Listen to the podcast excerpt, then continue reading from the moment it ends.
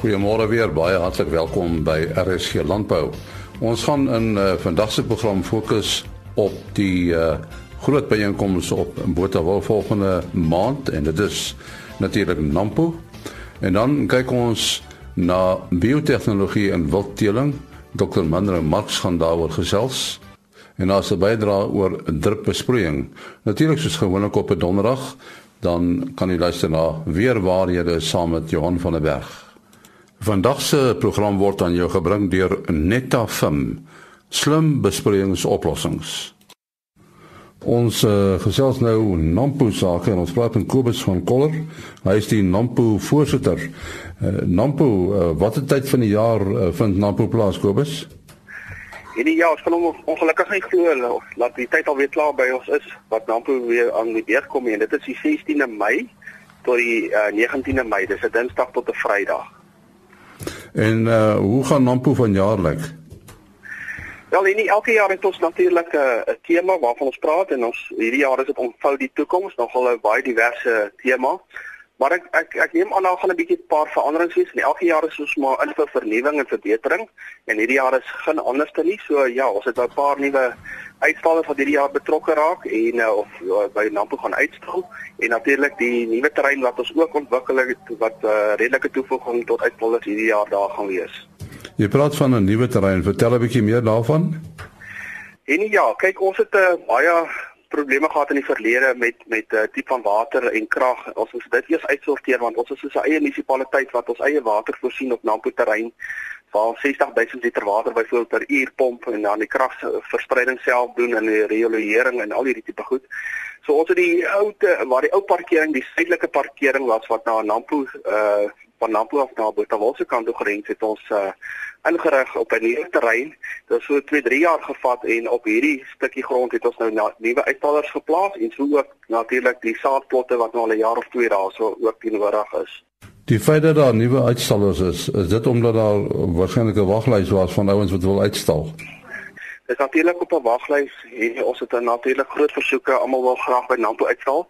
Maar ons is e heel eers kyk ons na die landbou want dit is waaroor Nampo gaan. Dit is oor landbou besigheid en dit is 'n besigheidskou. Dit is nie 'n vermaaklikheidskou nie. So ja, ons kyk eers na daai terreine spesifiek vir landbou ook ontwerp en daar is ook natuurlik ou uitstallers wat in die terrein iewers was wat beweeg het nou na die nuwe terrein waar daar dan ou spasies ook kom op die terrein waar daar miskien nie direkte landbouverwante spasies gevul is nie.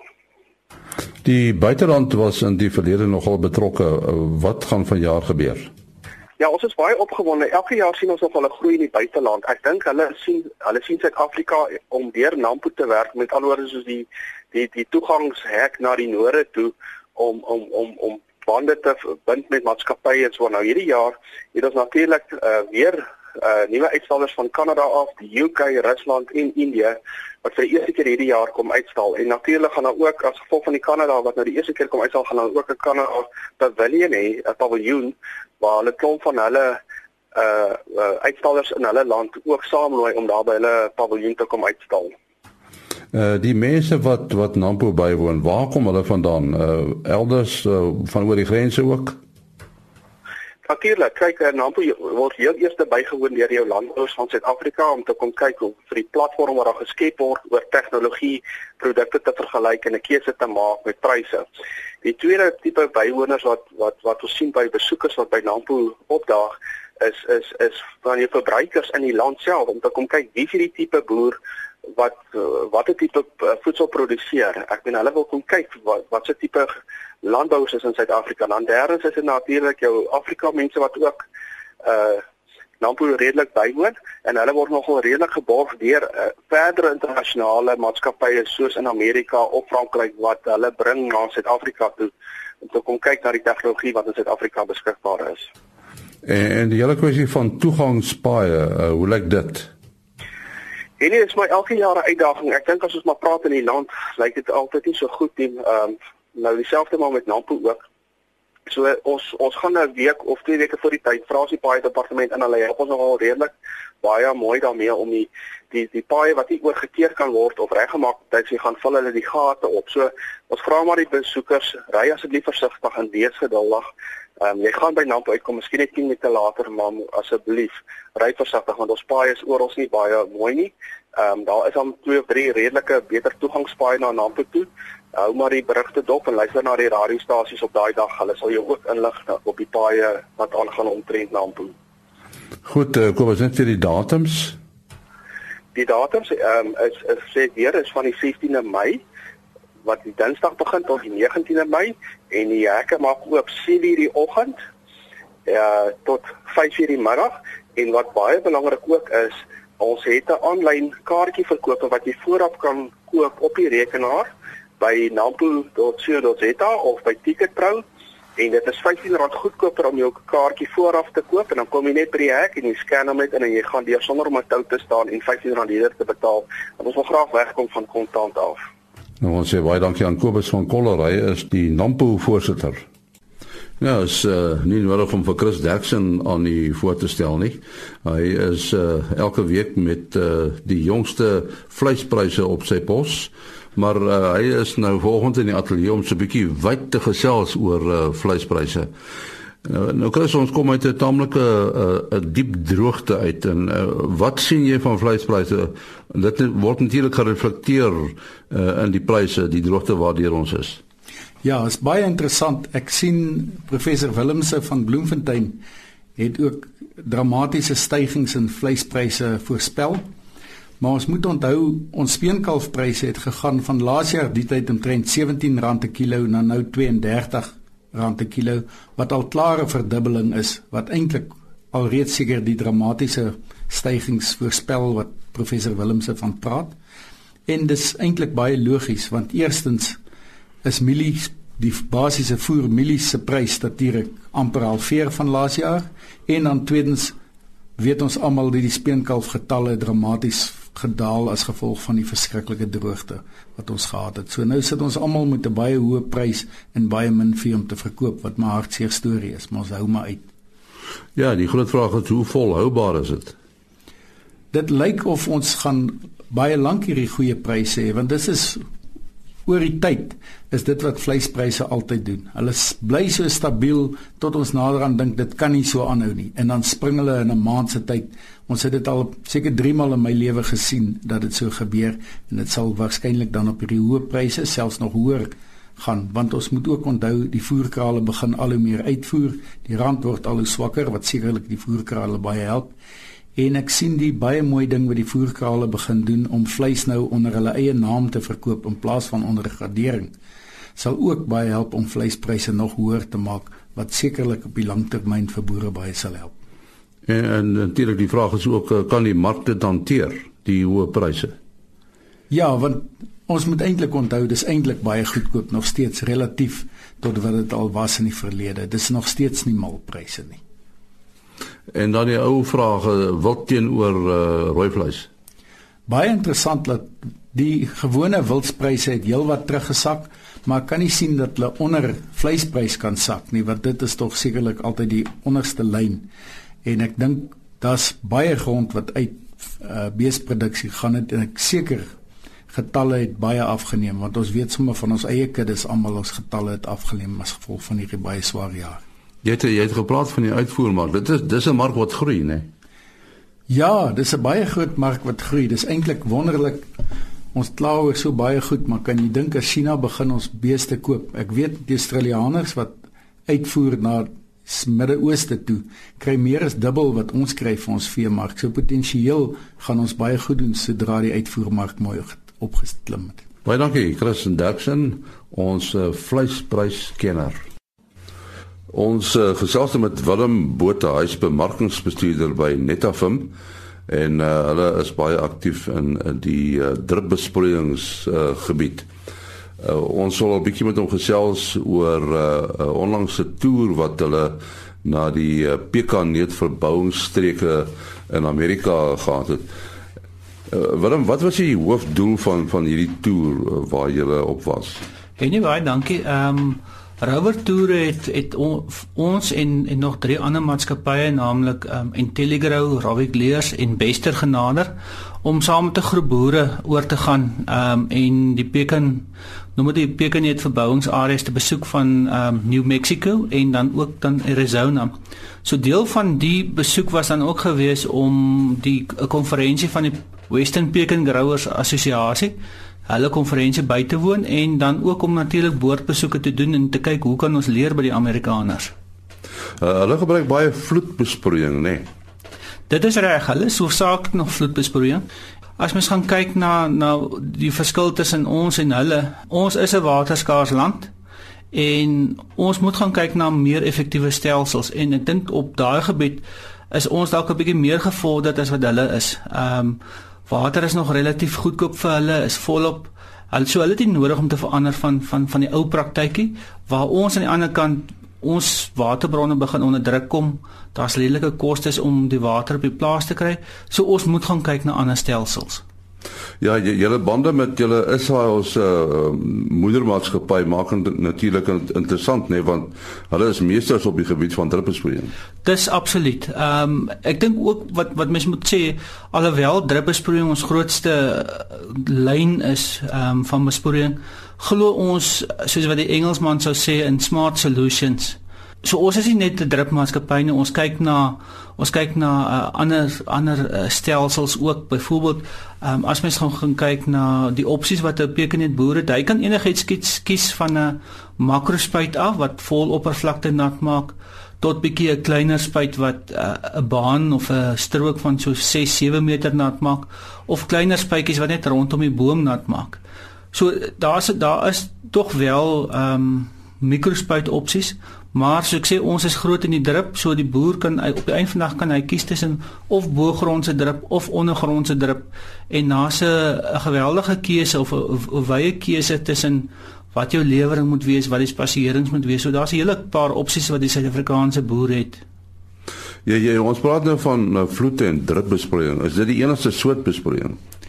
Daar's mos nou ander ander stelsels ook, ehm um, as mens gaan kyk na spulpunte maar op die einde van die dag as mens nou meer fokus op op die pekenete dan is is is basies die hoof hoofstelsels wat in Suid-Afrika gebruik word uh, is is maar daar is vloed nog steeds vloed en dan is daar ehm um, 'n hele klomp drup in bogronds of ondergronds en dan is daar 'n klomp mikrospuite ook. Jy het nou uh, eintlik gaan kyk wat daar aangaan. Is daar iets wat jy geleer het? Ek dink wat vir my uitstaan van die toer is, ehm um, en dit kom eintlik van 'n besoek van 'n uh, uh, een uh, een van die Amerikaanse boere, ou Dikkie Salopek. Ehm um, hy glo in om die basiese beginsels reg toe te pas. En ek dink dit het ook weer weer eens vir my bevestig dat oor hoe belangrik die basiese beginsels is. Daar is so baie tegnologie wat ons probeer najag om gesofistikeerd te boer. Ehm um, maar ons sukkel met die basiese praktyke en ehm um, onder andere lughuishouding, grondvoorbereiding, uh boordbeplanning ten opsigte van kultivars en uitleg, uh waterbestuur en en, en kunsmisbestuur.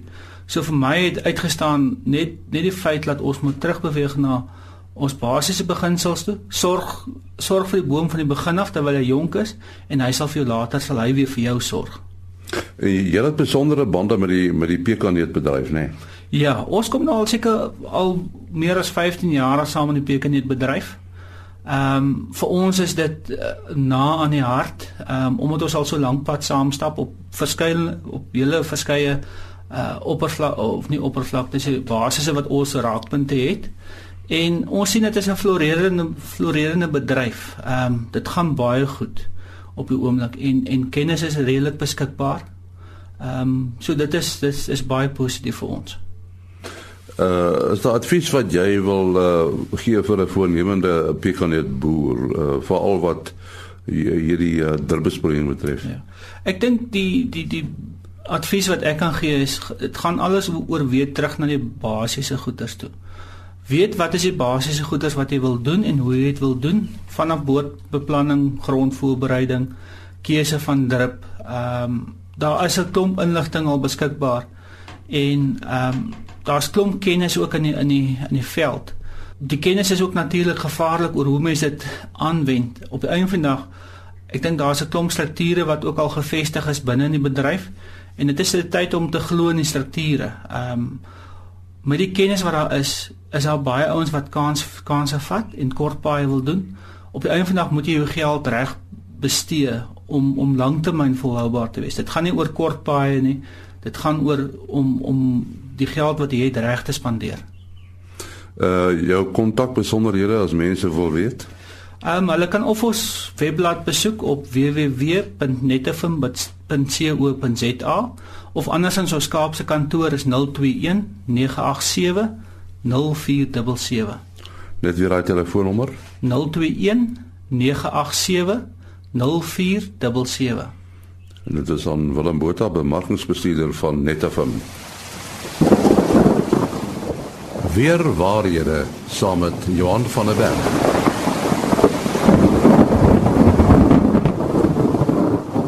En ons uh, gereelde insetsel van Johan van der Berg van Santam Landbou oor weer waarhede. Praat ons oor 'n interessante konsep en dit gaan oor uh, klimaatsverandering en klimaatsveranderlikheid. Dit klink half akademies, is daar 'n verskil Johan? En ja, ek dink dit is juist waar ons baie keer alles wat wat uh, nie volgens die gemiddeld of die normaal verloop nie, uh, wyd ons aan klimaatsverandering. En klimaatsveranderlikheid is eintlik meer 'n sikliese uh, konsep.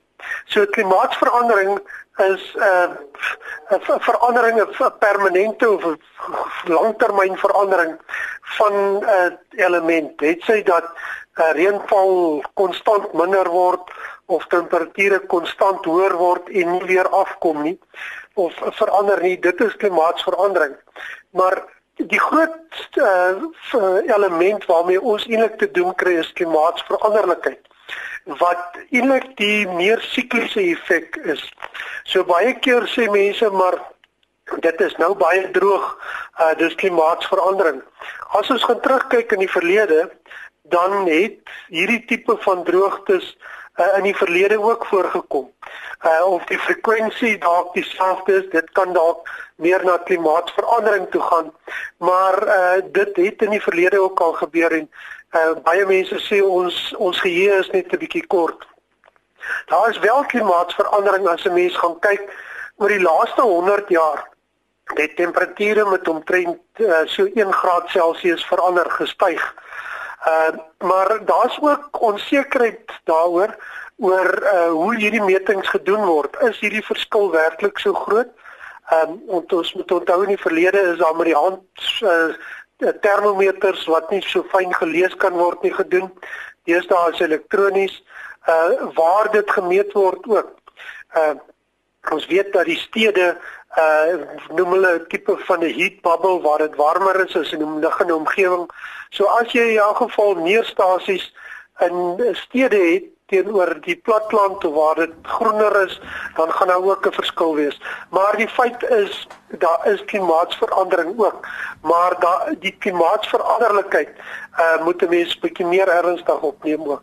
So as mens gaan terugkyk, ek het toevallig uh op internet op inligting afgekom waar hulle die ysringe wat die pole gemeet het. So hulle het 'n uh, boor gevat en kerne in die ys geboor uh wat eintlik soos jaarringe werk. Uh die die uh ringe of wat wat redelik dun is, sê dis warm, 'n warm periode gewees en as dit dikker is, is dit 'n kouer periode want dit hang af hoeveel ys is is uh gevorm oor daai tyd. Nou volgens hierdie geskied geskiedenis wat hulle so blootgelê het, uh so ongeveer die laaste 400 000 jaar was daar ongeveer elke 100 na 120 000 jaar 'n verhoging in temperatuur soortgelyk as wat ons nou ervaar. Uh so dit is nie uniek dit wat ons nou ervaar nie. Wat dalk uniek is is dat dit 'n bietjie langer aanhou. Um hierdie periode want in die verlede was die het hierdie draaipunt baie gouer gekom, maar dit het in die verlede ook al gebeur. Mens moet seker daarmee rekening hou dat ons ook uh, die dinge baie beter aanteken, nê. Nee? Dit is ook so, dit is uh, mense teken dit baie beter aan, maar ek dink hierdie geskiedenis is ook redelik betroubaar uh oor hierdie ysringe soos jaarringe in die boom in bome. So ja, ons teken dit beter op. Uh wat jy terwyl jy dit nou noem in die laaste 4 4 en 'n half duisend jaar uh wat nou beter opgeteken is, uh was daar ten minste 4 mini ystydperke gewees en 4 of 5 warmer tydperke van so 300 na 500 jaar elk. So dit het dit het ook op op, op die korter termyn, mense kan nou nie sê kort termyn nie want dis duisende jare het dit gebeur. Maar so so ongeveer 400 jaar gelede of bietjie meer uh was ons in 'n baie uh uh of 'n baie koue tydperk gewees. Uh die sogenaamde Moander minimum onder andere was die Theems rivier in Londen uh was gevries gewees vir 'n klomp jare in die winter. Ehm uh, wat deesdae nie meer gebeur nie. Dit is nie so lank terug wat dit gebeur het nie. En een van die oorsake van hierdie koue periode wat ons so 4 500 jaar gelede ervaar het, was dat die energie van die son het 'n bietjie minder geword oor daai tydperk. Hoekom dit gebeur het, is nie altyd baie duidelik nie. Maar interessant, uh een van die bespiegelinge is dat dit so koud was in Europa in daai tydperk van ongeveer 1640 tot 1715 uh, dat daar redelik hongersnood in Europa was. En een van die redes hoekom Jan van Riebeeck uh uitgestuur is was om te gaan kyk is daar nie ander deel uh, kos in ander dele van die wêreld ook nie. Uh of dit nou waar is of nie is is, is nie heeltemal seker altyd nie. Nou sê of dit nou waar is of nie, dit is weer waarhede. Ehm uh, en dit is Johan van der Berg van Santam Landbou wat gepraat het. Volgende aan die woord is uh, Dr. Manrou Marx. Uh, Dr. Marx is uh, by Unistel Diere Dienste. En ons praat 'n bietjie oor biotehnologie en wildteeling. Manrou, dit lyk my wildteeling uh, is deesdae nog 'n fyn kuns, né? Nee? Ja, dit het 'n uh, baie groot rol begin speel by die uh, wildteeling veral as 'n mens dink dat die wildteeling eintlik maar in sy kinderskoene staan en eintlik is waar beesteling en uh, jou uh, plaasdiere se teelings uh, omtrent 15, 20 jaar terug was. So dit begin al hoe groter en 'n belangriker rol speel by die wildteeling ook. Julle is nou nogal baie betrokke by die genetiese ontledings. Wat sou die voordele vir teeldoelwitte wees van die ontledings? Daar sou is verskeie aspekte wat mense in gedagte moet hou. Uh die seker die belangrikste is eerstens 'n mens moet identifiseer jou diere kan identifiseer en jy moet teelings kan bevestig want slegs dan sal weet jy presies uh hoe jou uh nageslag lyk. So die DNA profile is natuurlik die punt van toetrede uh vir jou DNA tegnologie en die gebruik daarvan. Dit is natuurlik baie belangrik om jou uh stambome uh baie so akkuraat as moontlik saam te stel en die enigste manier dan is om jou DNA uh studies te doen as 'n mens terugdink dan dan sal jy sien 'n ouer dier en ek bedoel nou 'n uh, pa of ma se prestasie word eintlik gemeet hoe die nageslag lyk en hoe hulle presteer. So as jy daar 'n fout maak dat jy verkeerde ouers al reeds daarso identifiseer, dan is al die inligting wat daarop volg nie korrek nie. So dit is af van absolute kardinale belang dat jou uh stambome akkuraat en korrek opgestel word. Nou mandra, hoe word uh, genetiese beraamde teelwaters bereken? Wat wat doen julle presies? Kyk, ons is nie direk betrokke by die uh, uh teelwaters se berekening nie. Maar 'n mens moet altyd onthou teelwaters is natuurlik afhanklik van die akkurate opskryf van metings. Uh soos daar gesê word uh om te meet is om te weet. So wanneer 'n mens kyk na die wolk, is daar 'n paar goed wat van groot belang is. Eerstens, 'n mens uh, speel uh jou horinglengte 'n baie belangrike rol en dit dra by tot die waarde van 'n van 'n 'n dier. So jy moet op vasgestelde tussenposes jou metings baie akkuraat neem van die horinglengtes sodat jy kan vasstel hoe hulle groei. Dan is daar nou natuurlik ook jou gewone weegmetings. En, en dit dra alles by om uit om te bepaal deur jou regressie uh, analises hoe lyk daardie spesifieke diere in vergelyking met die gemiddeld van 'n groot aantal diere. So uh, dan kom jy dan het jy nou jou fenotipiese teelwaardes. Nou by genetiese teelwaardes impliseer dit dat jy uh, genomiese studies gedoen het en en dit is nou natuurlik 'n amper perd van 'n ander kleur as 'n mens so kan sê want dit dit behels nou natuurlik baie groot analises en 'n geweldige groot aantal metings by 'n geweldige groot aantal diere. So op daardie stadium dink ek nie die die uh woordbedryf is op die stadium waar jy genetiese teelwaardes gaan kry nie. Die mikpunt is nou natuurlik om jou fenotipiese teelwaardes te kry. Maar nou skep hierdie tegnologie nie dikwels onrealistiese verwagtinge oor wat 'n mens op die ou en kan doen nie. Dit is absoluut korrek wat jy sê want baie kere word daar verstaan dat uh jy bloot die metings doen en 'n uh, dier sal presteer volgens sy teelwaardes. Maar 'n mens moet altyd onthou genetika uh, het maar 'n derde van die invloede jou omgewing bly nog steeds jou grootste invloed. Die twee saam gee vir jou jou uh uh, uh geheelbeeld daarmee. En dan moet 'n mens altyd onthou daar moet altyd variasie wees. En variasie vorm die kern van waar jy jou seleksie dan kan van uh vandaan kan gaan doen om uh, goeie nageslag te kry. So uh teelwaardes is maar is is een van die hulpmiddels wat gebruik kan word en dit kos word dit gesien as die die eerste en die enigste seleksie of of of manier om gehalte nageslag te teel. En dit is ongelukkig nie so nie. Dit is maar een van die hulpmiddels wat gebruik kan word.